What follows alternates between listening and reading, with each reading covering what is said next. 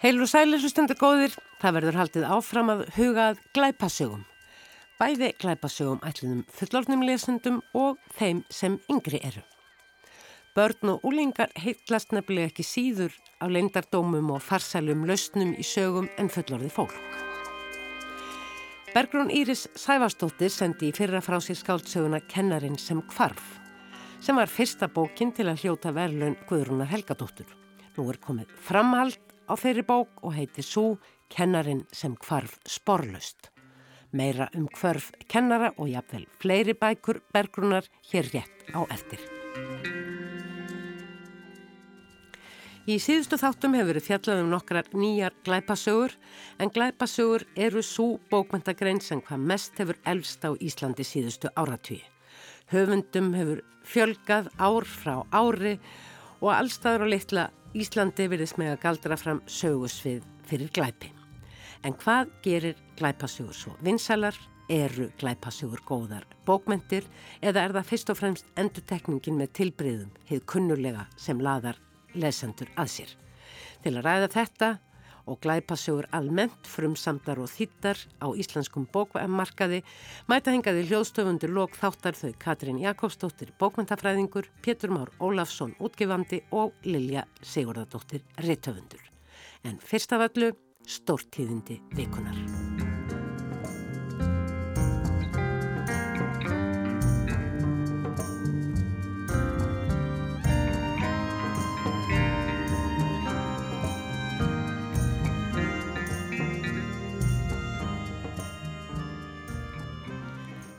Eitt stærsti útgefandi hljóðbóka í heiminum, hefð sænska Storytel AB, egnaðist í vikunni nær þrjá fjörðu hluta í stærsta og öflugasta útgáðu fyrirtæki landsins, sem jafnframt var kannski eini keppinautur Íslandsdeildar fyrirtæki sem Storytel á Íslandi. Þótt þar mægi segja að samkeppnin hafi verið nokkuð ójöfn því Storytel á Íslandi er jú áskriftar, veita, en forlægið, þetta stóra útgáfu fyrirtæki, seldi hljóðbækur stakar. En samkeppni kannski eiga síður sem nú er ekki lengur til staðar. Allir sem komað skrifum bóka, gerð þeirra og dreifingu kvarta yfir því hver rýr þeirra hlutur er þegar að kemur að sölu og dreifingu bóka um áskriftar streymisveitur. Lesendur eða öllu heldur hlustendur bóka kvarta hins vegar ekki heldur hafa tekið þessari nýju aðferðið að nálgast bókmyndir fagnandi. Engum blöðum er um það að fletta að neistla bókmynda, erfitt orðanota í tengslum við skáldskap, hefði tölfræðilega dreyjist all mikið saman ef ekki hefðu komið til svo auðvelt aðgengi að bókum til að hlusta á. Viðbröð við þessum tíðundum um að stærsta bókaútgáfi landsins með um helmings markastluteld og alltaf því fjórun sinnum meiri umsvið en næstasta útgáfi fyrirtækið sem er Bjartur Verald hafa fyrst og fremst verið undrun. Höfundar, lesendur og aðrir útgefundur klóra sér í höstnum og verðast eiga erfitt með að setja sig fyrir sjónir hvaða breytingar muni verða á íslensku bókmyndaumhverfi í kjölfarið kjörum höfunda, kjörum lesenda, viðgangi annara útgáðu fyrirtækja. Ég veit það svo sem ekki heldur, en eitthvað virðist bókmentafélag máls og menningar vilja tryggja viðgang bókana við þessu umskipti og hefur líst því yfir að einhver hluti þeirra fjármuna sem félagi fær fyrir sölu á 70% hlut í forlæginu til að stopna sjóð til eblingar höfundum sem og menningu bókabúða. Þá fullir þið stjórnbókundafélagsins sem og starfsfólk forlagsins að fáttmunni breytast varðandi vinnulag á forlæginu sjálfu. Val á bókum til útgáfu vinna með höfundum, hvort heldur varðandi reittstjórn verka þeirra eða ferðarlag þeirra til lesenda, þar að segja bókana, verði áfram líkt og verið hefur. Hins vegar verði aðgengi höfundan að erlendum mörguðum að líkindum betra og auglýsingar verða og vantanlega meiri fyrir forlægi. Því öruglega munu myndir af bókun þess, príða tilkynningar Storytel á Íslandi á samfélagsmiðlum í meira mæli en bækur streymisveitunar frá öðrum forlugum. Þótt Storytel á Íslandi eignist enga hlutdeld í forlæginu þá er Storytel AB eigandi begja ef að verður. Það er eitthvað við svona reysastórar fyrirtækja einingar eins og Storytel AG sem vekur ögg. Vilja slík alþjóðleg fyrirtæki nokkuð tíma neitt nema þetta eina, að græða meira? Er einn góði og hugssjónaríki kapitalisti til? Mér dettur engin í hug í fljótu bræði og þó kannski að Ragnar í smára hafi verið eitt slíkur. En það nægir þó ekki til að taka frá mér óttablandna spennuna gagvar því hvernig bókaútgáð á Íslandi á eftir að þróast í framhaldi þessarar eignarhalds sveiftingar. Sá veldur sem á heldur. Eitt er víst að það verður að fylgjast grant með því sem gerist. Fyrst og fremst þarf að gæta því að höfundar hafi tíma og tóm til að skrifa og þróa skáldskapsinn áfram í óvæntar áttir. Menningarstaðir eins og bókasöfn og bókabúðir verða líka að halda áfram að vera til. Sem og einleg og heiðarleg umfjöllin um skáldskap og bókvendir á ofnbjörnum vettvangi. En líka fræðileg greining og yfirsýn. Vökum, tölum og jú, vonum það allra, allra besta fyrir bókmyndirnar.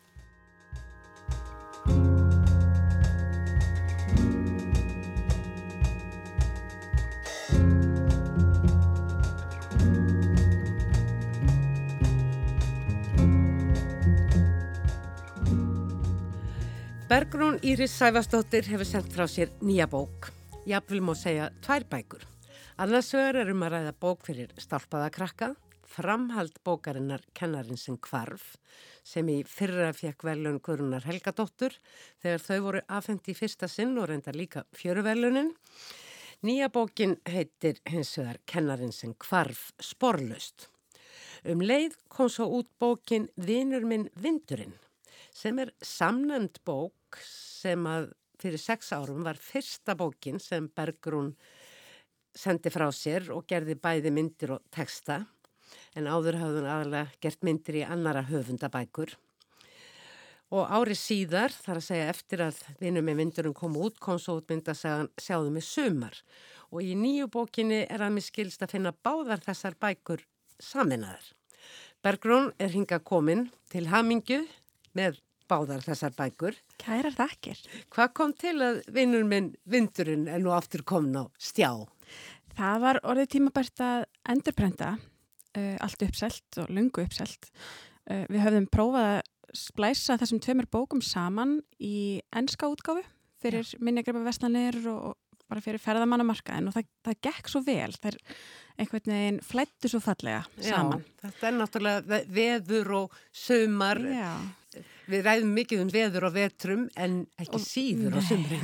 Og vindurinn er bara hjá okkur allt árið. Þannig að okkur fannst alveg tilvalið að hafa þeir saman og þær eru þá, þá er bókin svona veglegur prentgreipur, dálítið falleg sem skýrnargjöf til dæmis, eða lítið kríli kemur í heiminn. Þetta er við... mjög falleg bók, fallega myndir og öll orðin, svo Já. gaman að þeim. Ég elska veðurorð. Þú hefur nú mjög gaman af íslensku máli. Já, og sérstaklega öllum hugtökunum sem við eigum yfir veður og vind. Mm. Ég get alveg glemt mér í, í veðurfarslýsingum. Uh, en snúum okkur nú að aðalástaðu fundar okkar, kennarinn sem kvarf sporlaust, svo litið eins og glæpasaga fyrir börn. Klárlega. Því að vissulega varðar það við lög að nefn fólk á brott. Vastu með báðar þessar hugmyndir strax frá upphaða, annars verður láta kennara hverfa einfallega í skólanum í þann mynd sem að eh, venjulegu skóladagur er að hefjast og hins verður láta hverfa í skíðaskála, fjarrri byggð. Alls ekki.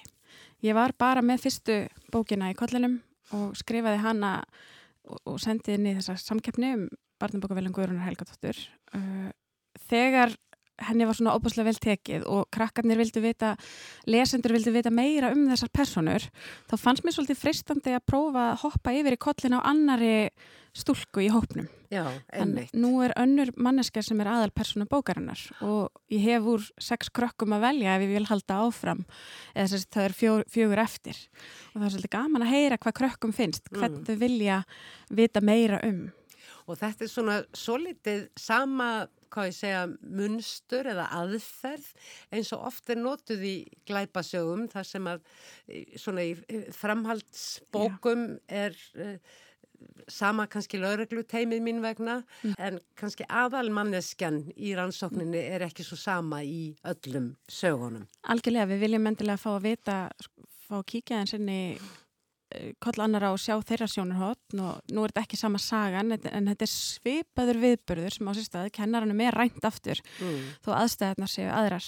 Mér finnst líka bara svo mikilvægt fyrir íslensk börn að fá að spegla sig í alls konar fólki og alls konar personum og við séum ekki að bjóða upp á alltaf mikla staðalmyndir og við séum ekki að bjóða upp á einsleitar personur Mm. og í, þetta, í þessu tilfelli er það sem sagt Sara, hún er fætt og uppalinn í Albani og flytur svo sjóra gömul til Íslands. Mm. Þannig að hún kemur inn með svolítið nýjan reynsluheim sem að er reynsluheimur mjög margra barna á Íslandi. Einmitt og ég var að viðkenna að uh, þegar ég var uh, að lesa þessa bók þá fór ég að grafa eftir hinni uh, því ég myndi eftir Söru Já, sem var svona svolítið aðal píjan í bekknum. skelegskvísa. Já og uh, einhver sem að hekla þöll sem að var aðalpersonin í þeirri bók eða frásagnar miðjan leit aldrei til og langaði til að vera með og myndi ekki hvort að hefði komið fram að hún var útlend og ég gati ekki fljótu bræði fundið það. Það kemur hérna eiginlega frekar snemma. Já, en það er ekkit svona Það er- neitt nei. frekar úr því þar. Það er...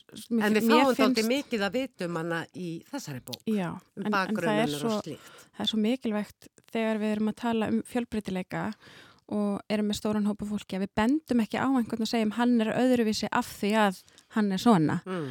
Heldur fjöllum um hvernig viðkomandi er algjörlega fordómalaust og án þess að gera það að einhverjir aðaladriði. Það eru til dæmis fullt af samkynniðu fólki í bókunum, það eru samkynniðu fóreldrar en það er ekki sérstaklega bent á það. Það er ekki talað um að það sé eitthvað sérstaklega skrítið. Nei. En það er, normalísering skiptir svo rosalega máli, Mm. finnst mér. Það er þetta að við getum samsamað okkur við sem flest. Já. Eh, þó ekki öllu tilliti því hver og einn er jú hann sjálfur. Akkurat. Það er bara pláss fyrir alla og við bendum ekki sérstaklega á eitthvað sem ástöðuna fyrir því að einhver er öðruvísi. Mm. En þetta svipaðu glæpur, kennarin er nömun á brott, kennarin hverfur Kennarinn hverfur. og ekki nómið það, það er ekki bara kennarin sem hverfur heldur líka hér, aðstofamaður hans. Farastjórin. og Fararstjórin. Eh, á þess að við förum nánar út í þá sálma svo við upplýsum nú ekki allt í þessari ágetu bók. En glæpurinn snýst í rauninu um það sama. Þeir er greinilega áhrif símans á líf, badna og úlinga og kannski okkar allra. Það er aldrei hugleikið. En þú fer nú vel með það. Þú gerir þetta svolítið eins og, eins og þú varst að tala um að ekki að gera það að aðalatriði. Nei, þetta er eins og með allt sem við viljum að, að börnun okkar forðist að við ætlum að benda stanslust á það og segja þetta er óvald, þetta er óvald, þetta er óvald. Þú mátt ekki, mátt ekki, mátt Það ekki. verður það svo spennandi. Mm. Og sama ef við höldum til dæmis bókalestri að börnum eins og við séum að tala um græmmetirsátt þá auðvitað missaði listina. Við þurfum frekar að sína gott fordæmi. Hætt Einmitt. að leggja síman frá okkur ef við viljum að börnum gera það og svo framvegis. Það var svo skemmtilegt í uh, fyrirbókinni, kennarinn sem kvarf, að uh, þá varstu með svolítið eftirmála þar sem að þú uh, sagðir frá kinnum þínum af Guðrún Helga dóttur og hennar verkum og, og þú gerir það í rauninni í þessari bók líka. Þú ert með svolítið uh, eftirmála, svona hugleðingar. Smá hugleðingu. Ég fekk svo ofbáslega mörg skilabóð frá krökkum sem höfðu gert það sem ég gerði sem barn, að skriðin í skáp með púða og vasaljós og bækur. Og fóreldra sem sögðu mér að nú væri búið að rífa fötun út af fataskapnum og fylla hana bókum og púðum, alveg eins og ég myndist á í mínum eftirmála. Mm. Og mér þótti svo vænt um það. Þannig ég hugsaði, ég er þið eiginlega að hafa annan svona eftirmála aftur. Einhverja smá svona lestrar hugleðingu. Já, þetta er mjög fallegt. En aftur að hérna bókinni sjálfri, þú varst fljóta að skrifa þessa bók. Hún er einhvern veginn, hún er snarpar en hinn. Það, er Já, náttúrulega það? ekki- það þarf náttúrulega ekki að eins mikið að kynna til sögunar uh, personur og annað slíkt. Akkurat. Þær eru kunningar, þær, uh, við þekkjum þær. Það er samt alltaf aldrei viðkvæmt að því ég vil að fólk geti tekið upp bókina án þess að hafa lesið hérna. Mm. Þannig að maður verður svona aðeins kannski pínu að kynna fólk til leiks en ekki náttúrulega á sama hátt sko. Uh, ég þekkti þið, ég held að það sé kannski líkillin. Ég þekkti þið svo vel að ég gæti hoppa beint af stað. Já, Ég skrifaði hana á miklu stýttri tíma Uh, ég heimsótt hann ekki yfir svona langt tímabil eins og ég gerði með hitt handritið. Af því ég hafði skrifað hitt og svo lagt það frá mér í nokkra mánuði en í þessu tilfelli fór ég á Ísafjörð í einn mánuð og kom henni frá mér. Ég var búin að undirbúin að daldi vel og vinna svona grunninn ágætlega en svo bara stökk ég út í þennan snjóbing og, og fór að leika mér einmitt, snjórin skiptir náttúrulega máli og veður, Já. þarna þær eru svolítið að baða þig í veðri, ekki satt. Mm -hmm. Það er svolítið gaman sko með áhrif kulda og, og, og veðurlýsinga að ég á svo skemmtilega minningu frá því þegar ég fór með kærastanum mínum þáverandi, núverandi eiginmanni út á videolegu og við horfum á Day After Tomorrow sem er svona hamfaramynd sem gerist í rosamiklu kuldakasti í New York og það er alveg snjóbilur allan tíman þetta er á þeim tíma sem videolegur voru ennþá til. Uh, þegar myndinni var búin þá spóluðum við tilbaka og klætum okkur. Uh, ég setta mig húfa og vellinga og fór í úlpu og svo fyrir við út til að skila myndinni. Og það var júli en við fórum svo ofbáslega inn í þessum heimi, þessum kalda Já, heimi Já, og mér finnst það svo skemmtilegt með þessa bók ég vil hún hafi þessi áhrif, ég vil að krakkarnir fái smá gæsahúð og verði pínuliti kallt þegar Já. við lesa hana já. og ykkur það töfrar og svo svona svo bókmynda dimmt og kallt og Mm. drungalegt Og uh, það má svo sem tengja þessa bók líka við uh, enn aðrar bækur því þarna er líka ný persóna. Hann Rútur, Rútubílstjóri Rútur og það er gamall kall sem þeim líst nú ekkert sérstaklega á svona lengi framan af. Það er líka eitt af því sem þú flétta gjarnan inn í sögurnar þínar og hefur jafnvel skrifað um heilu bækurnar. Þetta tengja kynnslóðir. Já, ég elska að skrifa eldri borgara ég veit ekki hvort ég get sagt eitthvað meira um það en við erum að tala um sko bæði fróðlegsbrunna og, og bara alfræði orðabækur og þú ert alltaf inn og komin með allt öðru þessi tungutak og það er svo gaman að splæsa því saman og, og leifa tíu ára krökkum að tala við eldra, eldra fólk og sjá bara mismundi reynslu heimins hvað við eigum samt mikið sammeilegt sko. Já, leitað kapissu þegar að heyrist kvellur. Já, því að gamli maður við talaðum að hann gengi ekkert að fyrir upp í kapissinni. Já, nákvæmlega. Og þú ert, uh, ertu með uh, fleiri í póka horninu, svo má orði komast, með þessum krakkum. Þú eru skemmtilegi krakkar og mjög þetta ólíkir. Ég held ég verði að gera það. Nú er komin krafa frá heilum hóp af börnum sem ég var að kenna reytist. Þau vilja veita meir um fannar. Mér á ekki eftir að leiðast það. Af því að hann er alveg upp að ömmu svona afa og þar er alls konar möguleikar fyrir mig að veltast um í, í íslenskunni. Svo kom mér svolítið á óvart hvað þú í rauninni gefur ákveðið eh, rými fyrir samúð með, já, hvað er maður að kalla hana? Vondakallinum. Já, Já. Já, ég menna við erum ekki eitthvað eitt. Engin er eitthvað eitt. Við erum öll með góður og slæma hliðar. hmm.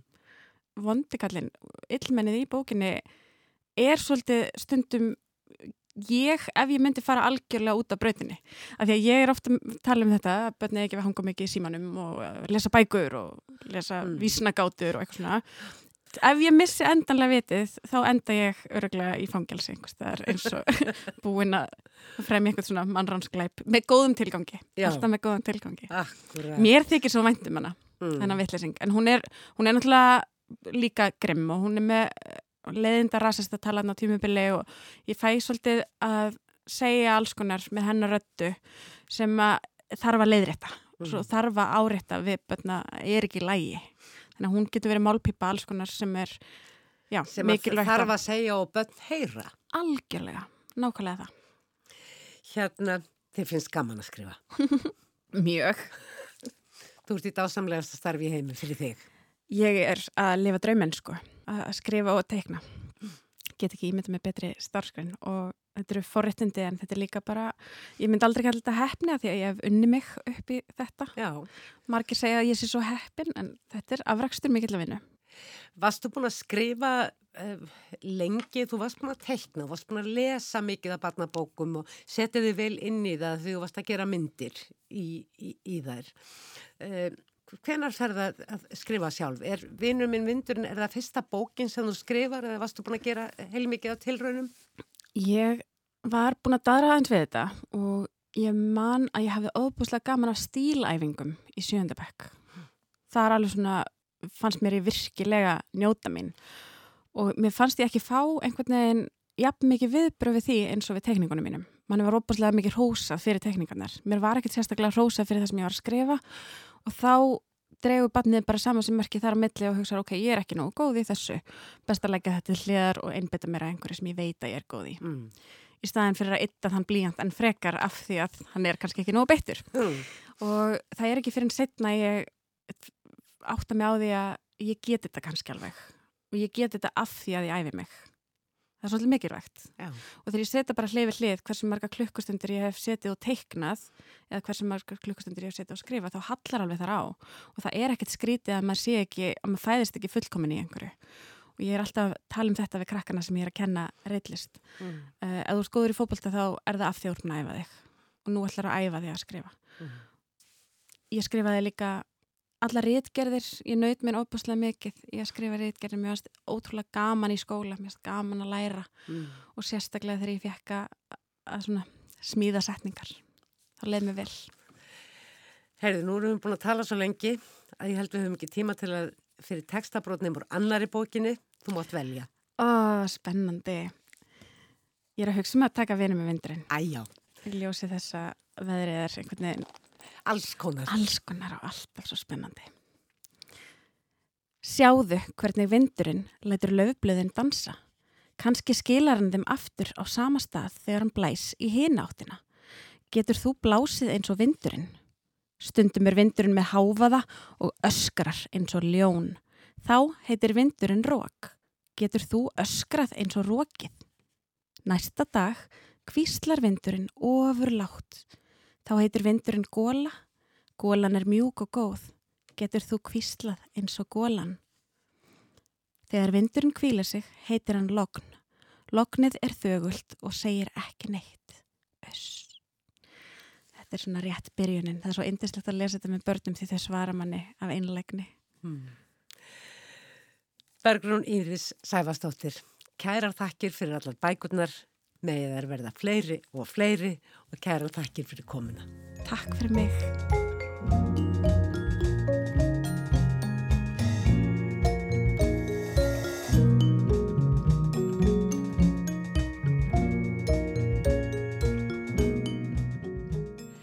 Svo bókmyndakarinn sem hvað mest hefur elst á Íslandi síðustu áratvíi er óíkjandi glæpasagan.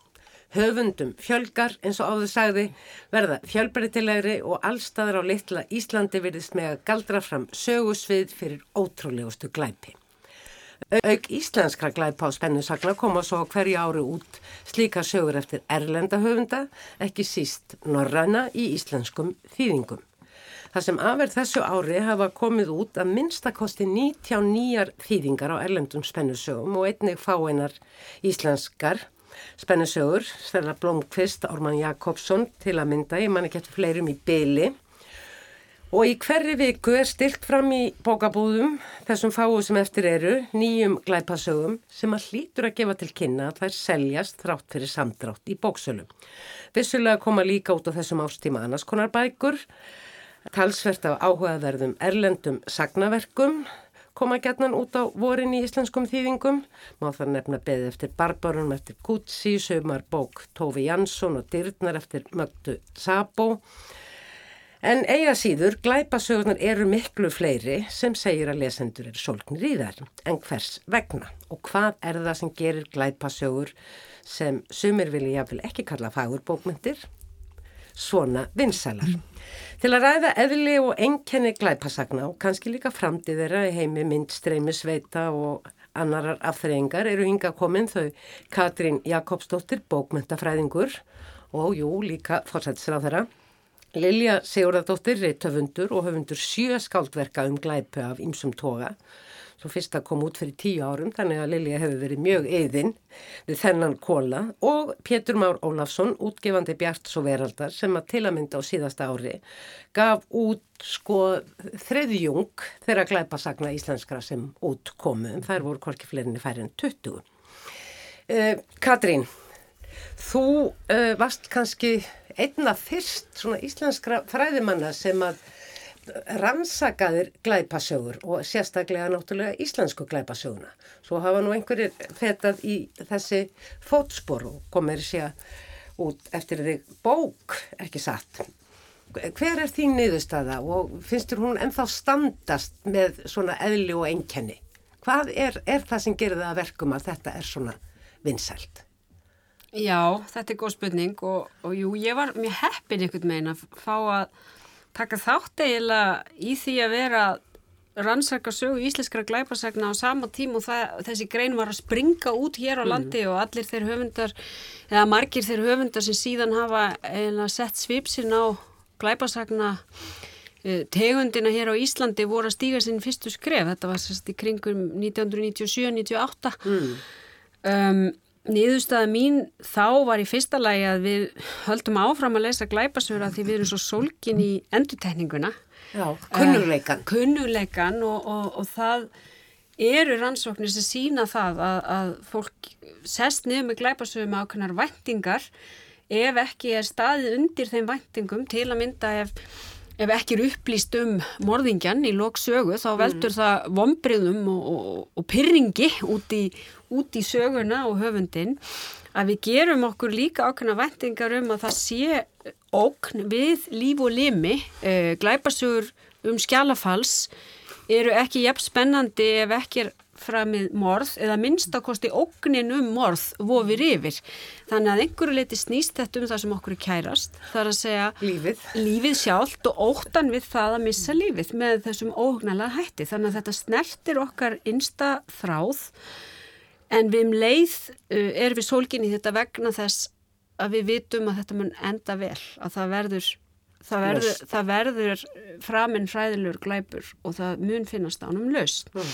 Svo má kannski segja að ég hef sett fram þá viðbúta kenningu því þetta eru þetta bara alþjóðlar kenningar sem eru vel þekktar um glæpasögurnar að hinnar íslensku glæpasögur höfðuðu til okkar vegna þess að þær e, eru skrifaðar inn í íslenska veruleika og kannski eftir tíma postmodernisma í íslenskum bókmentum þá var ákveðin eftirspunn eftir því að lesa eh, línulegar skáldsögur sem gerðust í íslensku samfélagi og voru að fjalla um samfélagslega vandamál þess Já. tíma sem voru að ykkur leiti bara eins og gamla raunsæði þar sem, þar sem vandamálinn voru tekinn til umræði eins og brandisæði þannig að, þannig, þannig að það var svona kannski viðbútar þáttur í því sem mætti heimfæri på norrænu glæpasögunar. Mm.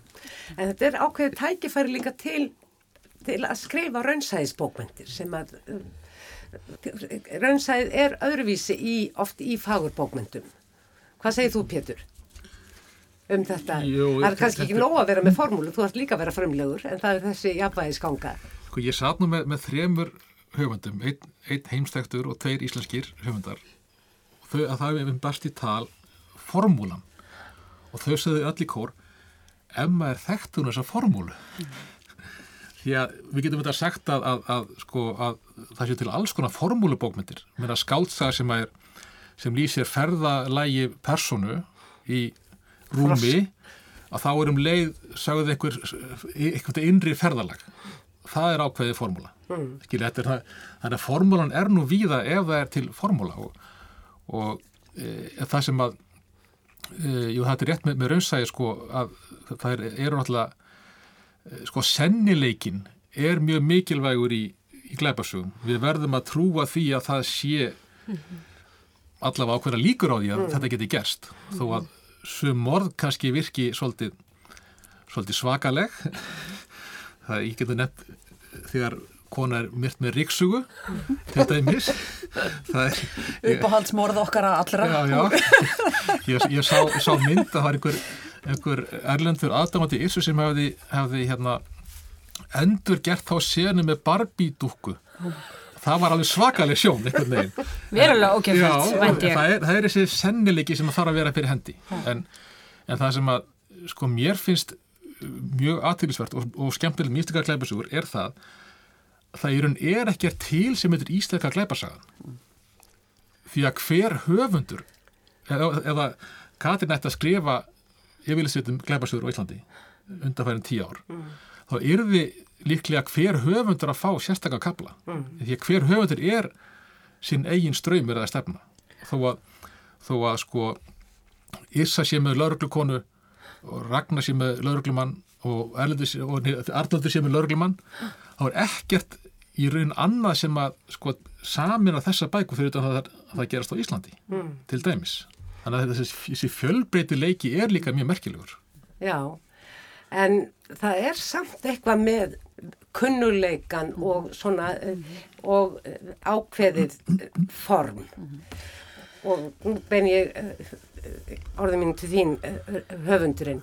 Hugsar þú einhver staðir í ferlinu, kannski ekki meðan þú ert að spýta út úr því sögunni og söguþræðinum og, og svona og svona, svona þetta gerast og þá kemur þessi út úr skápnum mm -hmm. í orðsins fylgstumerkingu Já, já, það gerir stundum hjá mér. Já, nei, og stekkur á einhvern og drefur hann þess vegna. Já, já, já. Það, hérna, já sko það þetta, þetta er alltaf glíma við form og ég held að í raun og veru kannski allir sem skrifa bókmyndir er að glíma við einhvers konar form. Sko ljóðskáld er að glíma við ákveði form leikskáld er að glíma við ákveði form og það er það sem er gaman. Og það sem er talað sko um oft svona, á svona neðrandi hátt glæpa höfundum í þetta er svona formúla eins og það sé auðvelt. Mm. og, en það er alls ekki auðvelt eins og, eins og Pétur var að veitna í sko. Ef þessi formúla væri til og þægileg sko þá væri náttúrulega margir búin að nýta sér en ég held að sko því nær, nær sem að maður kemst einhverju formi uh, því betra Og þetta er alveg eins og þegar maður skrifa fyrir leikús að sko ákveðin hluti verða að gerast á ákveðin tíma til að virki fyrir áhörfandan og það er að nákvæmlega sama í glæpasögu að það, þú verður að vera með risa á ákveðin tíma og eins og Katrín sagði það verður að vera einhver úrlaust hmm. þessi tilfinning fyrir réttlæti að allir þræðinni gangi upp í lokin og svo framvegis og þetta er náttúrulega það sem að glæpahöfundarnir er að glíma við að gera sem best hmm. til þess að lesandin fái þessa ákveðinu lestrar ánægu sem að kemur út úr glæpasögunni og það er meðal annars tilfinning fyrir réttlæti og þetta, sko, fólki, fólk er forvitið um glæpi af því að ég held að 98% fólks samkvæmt einhverjum konunum er gott og heiðalegt fólk sem mynd aldrei fremja glæp.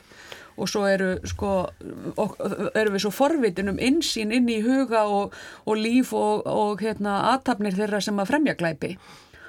Og það er svona hluti af þessu og svo er það þessi þrá eftir réttlætinu sem að yfirlegt glæpasagan gefur en veruleikin gefur hins vegar ekki alltaf. Nei, mm. og það sem að mikið var talað um á sínum tíma þegar svona norranna glæpasagan á, uh, á síðustöld eða svona eftir sjöval og valu mm. nýjunda áratögnum og upphæðist tíunda var að blómstra að þarna væri komin svo ákjósanlegur vettvangur til þess að krifja samhengi í samfélaginu Mm. og þetta nýttu sér líka höfundar ekki bara við samfélag uh, þess dags uh, eða sam, samtíma síns heldur líka jafnvel í, í sögulegu samengi. Mm. Sögulega glæpasögur hafa ekki verið svo algengar á Íslandi er það, nema kannski helst Arnaldur.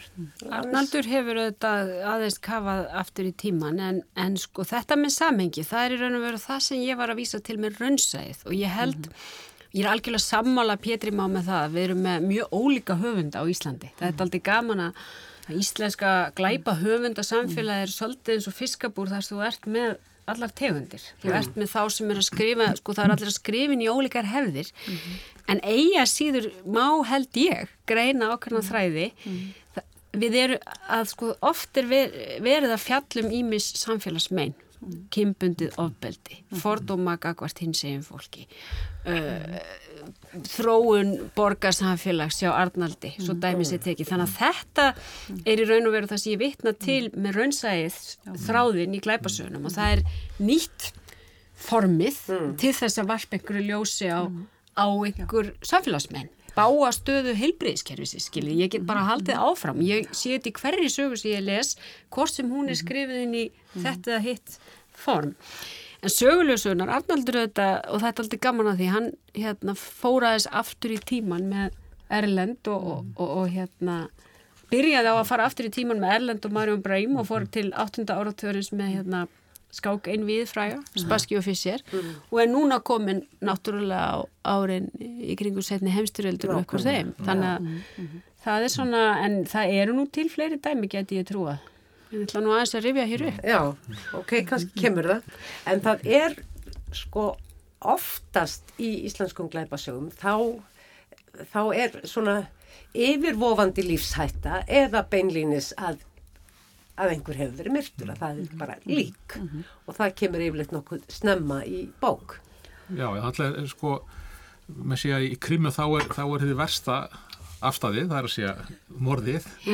Og í, í, hérna, í trillum eða thrillerum þá er þið versta það er yfirvóðandi eins og Issa reyndi að samina ég maður því að það var bæði krimmi og thriller. Já. þannig að þetta er svona og rugglaði margan í, í já, rýminu já, já. og, og kannski gott dæmi um það þar sem að svona uh, tveimur ströymum er, er, er, fléttað saman sko.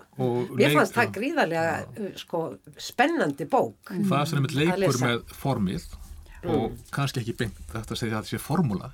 Nei, Það er verið að þennja út formið. Já. og það er náttúrulega eins og Lilja nefnir hérna á það er svolítið verkefni höfundarins. Það er einhvern veginn að að tegja á forminu og, og nýta sér alla möguleika þess. Finnst þú gera það líka til dæmis eins og í svikum.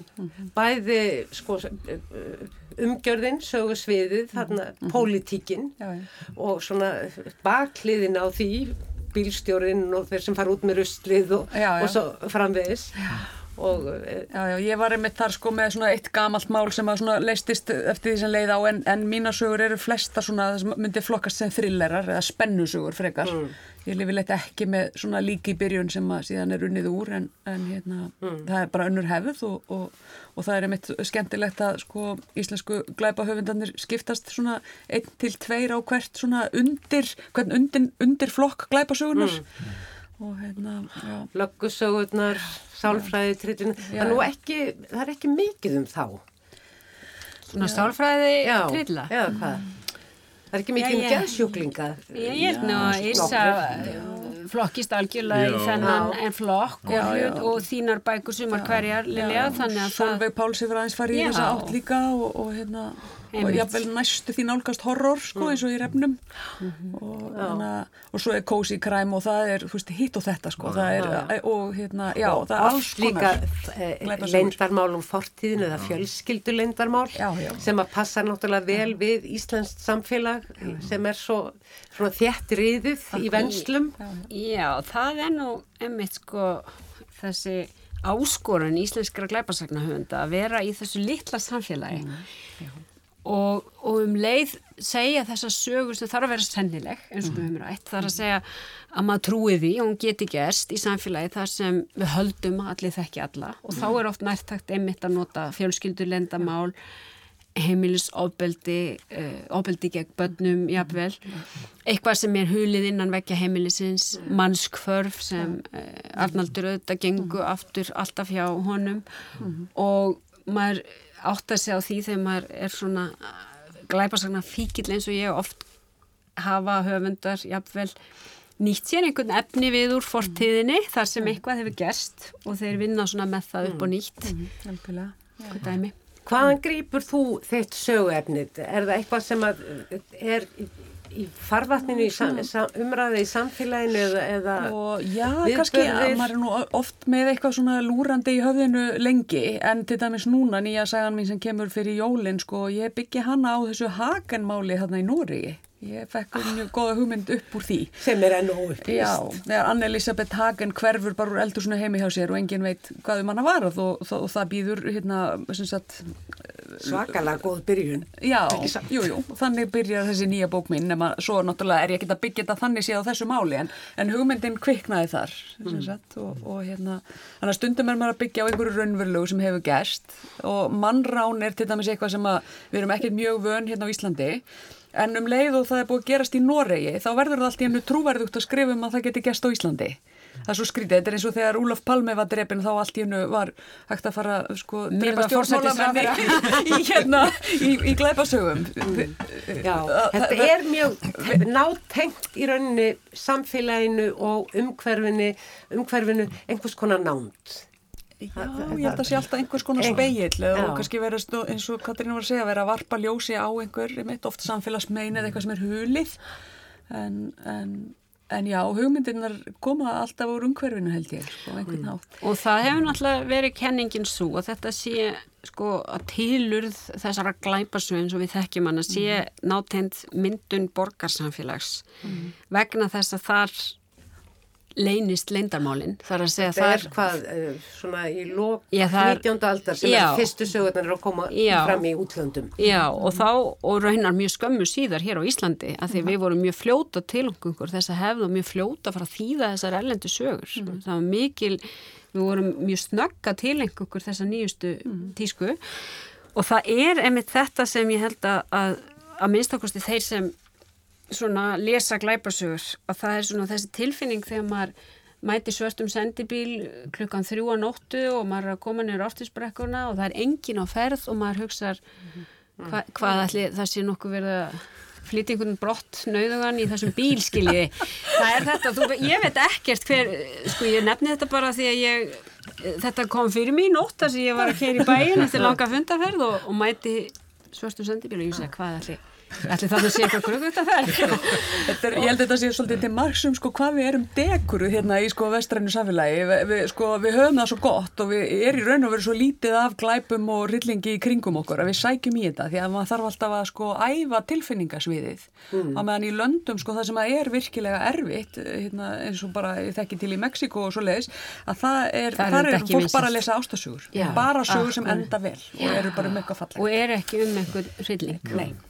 Það, er ekki, það gengur ekki jafn vel í fólk einmitt. En þótt að sér orðið langt um liðið að Íslendingar fóru að eh, reyna sig við glæpasögur að þá verður samt svona þessi glæpasaga sem við þekkjum í dag, íslenska samtíma glæpasagan, hún verður er tiltölulega ung í samhengi svona vestrætna glæpasagna. Eh, Þið gefið líka út þýðingar, eh, Pétur. Sko, hefur þau eitthvað spáð í eða þið, jáfnvel hinn líka, munin og svona glæpasögum eftir löndum? og hér virðist sko norranna glæpasögur ganga þær ekki best í landan? Svona hvað þýringar var það langmest áberandi. Og það er einhvern veginn uh, höfða til okkar. Þetta er náttúrulega svipuð samfélag á mörguleiti og svipað umhverfi og, og svona kunnulegt, kunnulegar persónur kannski og kunnulegar aðstæður. eh, við höfum kannski freka verið að sækja svona spennusögur til til bandaríkjana svona, svona thrillera. Eh, og, og frekar en glæpasögur beint. Og sama eiginlega með England við frekar verið að sækja þangað svona spennusögur heldur en glæpasögur En Sko það- til þýðinga Já, til náttúrulega, þú þýðinga. veist að það það eru svo margir orðið sem lesa á ennsku þannig að það kannski, fólk kaupir það bara á ennsku. nefndu mér höfunda þannig ég viti hvað þú átt við með spennusaga það er eins og, eins og hérna, konin lestinni já, til dæmi sko. Og, og hérna hva, hvað er að segja flera? Hva, hvað, hvað stendur til þess Mary Clark Higgins? Já, hún alltaf er já. Svo verður eins og Dan Brown bara sko. Já, já, já. svoleiðis já.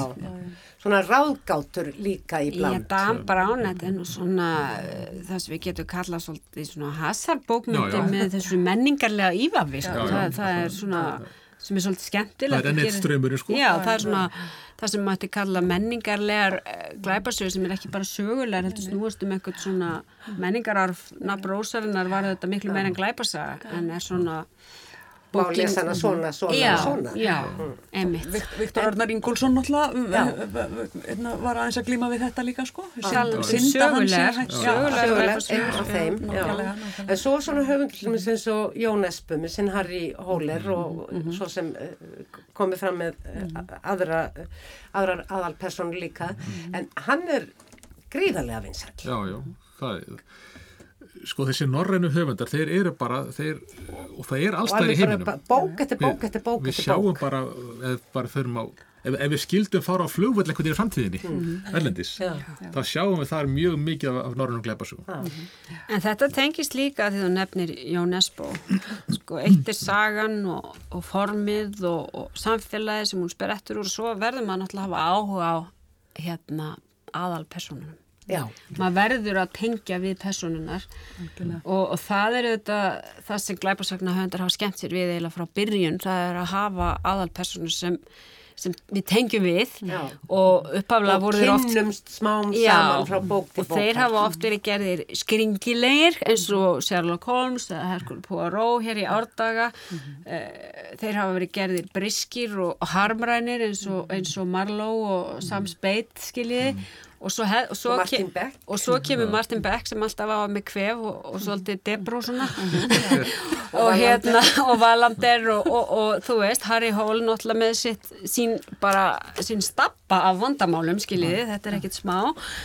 Og það sama má eiginlega segja um þessar íslensku hetjur. Þetta er að því að fólk tengir tengir við personunar Og svo er þessi, sko, þessi stöðuga samfætting, eh, hvað segir höfundurinn, sko, milli rannsóknar glæpsins og hins venjulega lífs þeirra sem rannsaka, hvort sem það eru bladamenn, mm. uh, töfundar, lauruglumenn eða hvað. Já, já, og, þa og það er vegna þess að fólk sko, og, og sérstaklega í þessum seríum, þessum bókaflokkum, sko, uh, rafbókum að að sko fólk kaupi næstu bók út af personunni, ekki út af málinu. Yfirleitt er það bara leist máli í hverri bók og svo kemur þú aftur til að kynast personunni betur af því að þú hefur, hefur tengst henni sko. Stundum eru tengst sko, já, já, það er svona kannski einhver ráðgáta sem gengur í gegn eins og Arnaldur gerði með, með kvarfbróðurins og allt þetta sko, en hérna Já, þetta er, þetta, er, þetta er akkurat formið, sko, glíman að setja nógu mikið af, sko, engalífi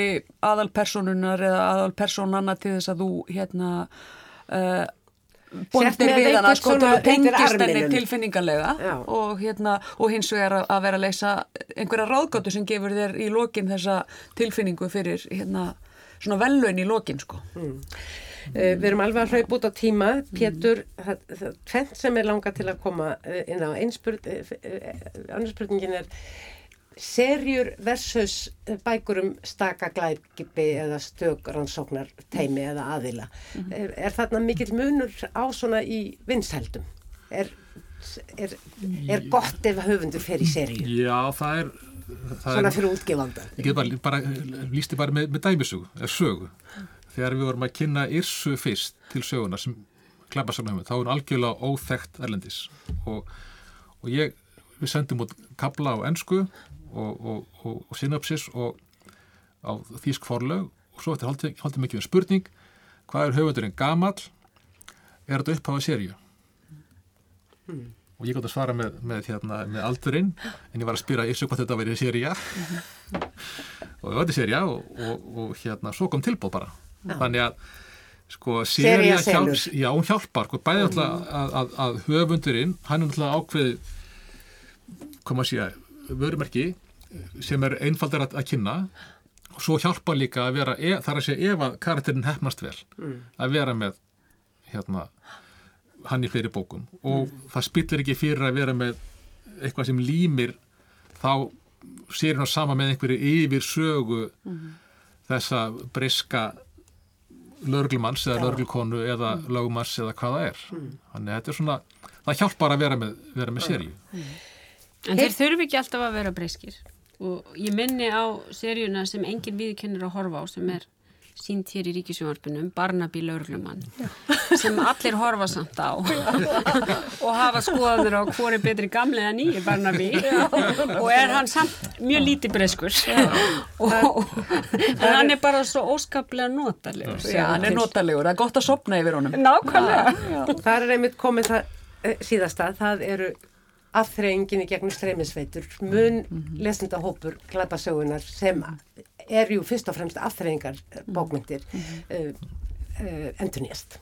ég meina, sko glæparsögur njóta mikill að vissalda í streymisveitum, það er bara Já, þannig þannig að e, e, e, sem mynd, ég, nú er Nei, tala nei, um bækurnar. ég, ég sé, sé, sé um hljóðbækur það, Já, það er nei, ég nú sem tala um svona Netflix og þá Já. að, aðþreyingu. Já, já. Já, já. Hvort að hún taki yfir hjá yngra fólki sem að þá uh, sæki sér síður Ég held aðþreyinguna að, í glæpasögunar. sko, eða ástasögunar. Ég man ekki hvað, hvaða kvikmyndamókull sagði sko að það er ekkert að bíabrásunum sem ein góð mynd getur ekki lagað. Það er að segja ef það, þegar meðan við erum að skrifa og gefa út góðar, spennandi sögur þá ég ekki á að gera þessu. Og ég held að það sé alveg rétt að sko, og ef að maður horfir á þessar þáttaseríur og glæpaseríur, það sem er best af þessu er allt byggt á bókum. Ég er sammála því og ég held að þeir sem eru að horfa á þessar serjur, þeir eru líka að lesa bækur. Ég Ég held held, það að reyndar þetta líka, sé já. þannig sko. Heyrðu, lífi glæpasagan.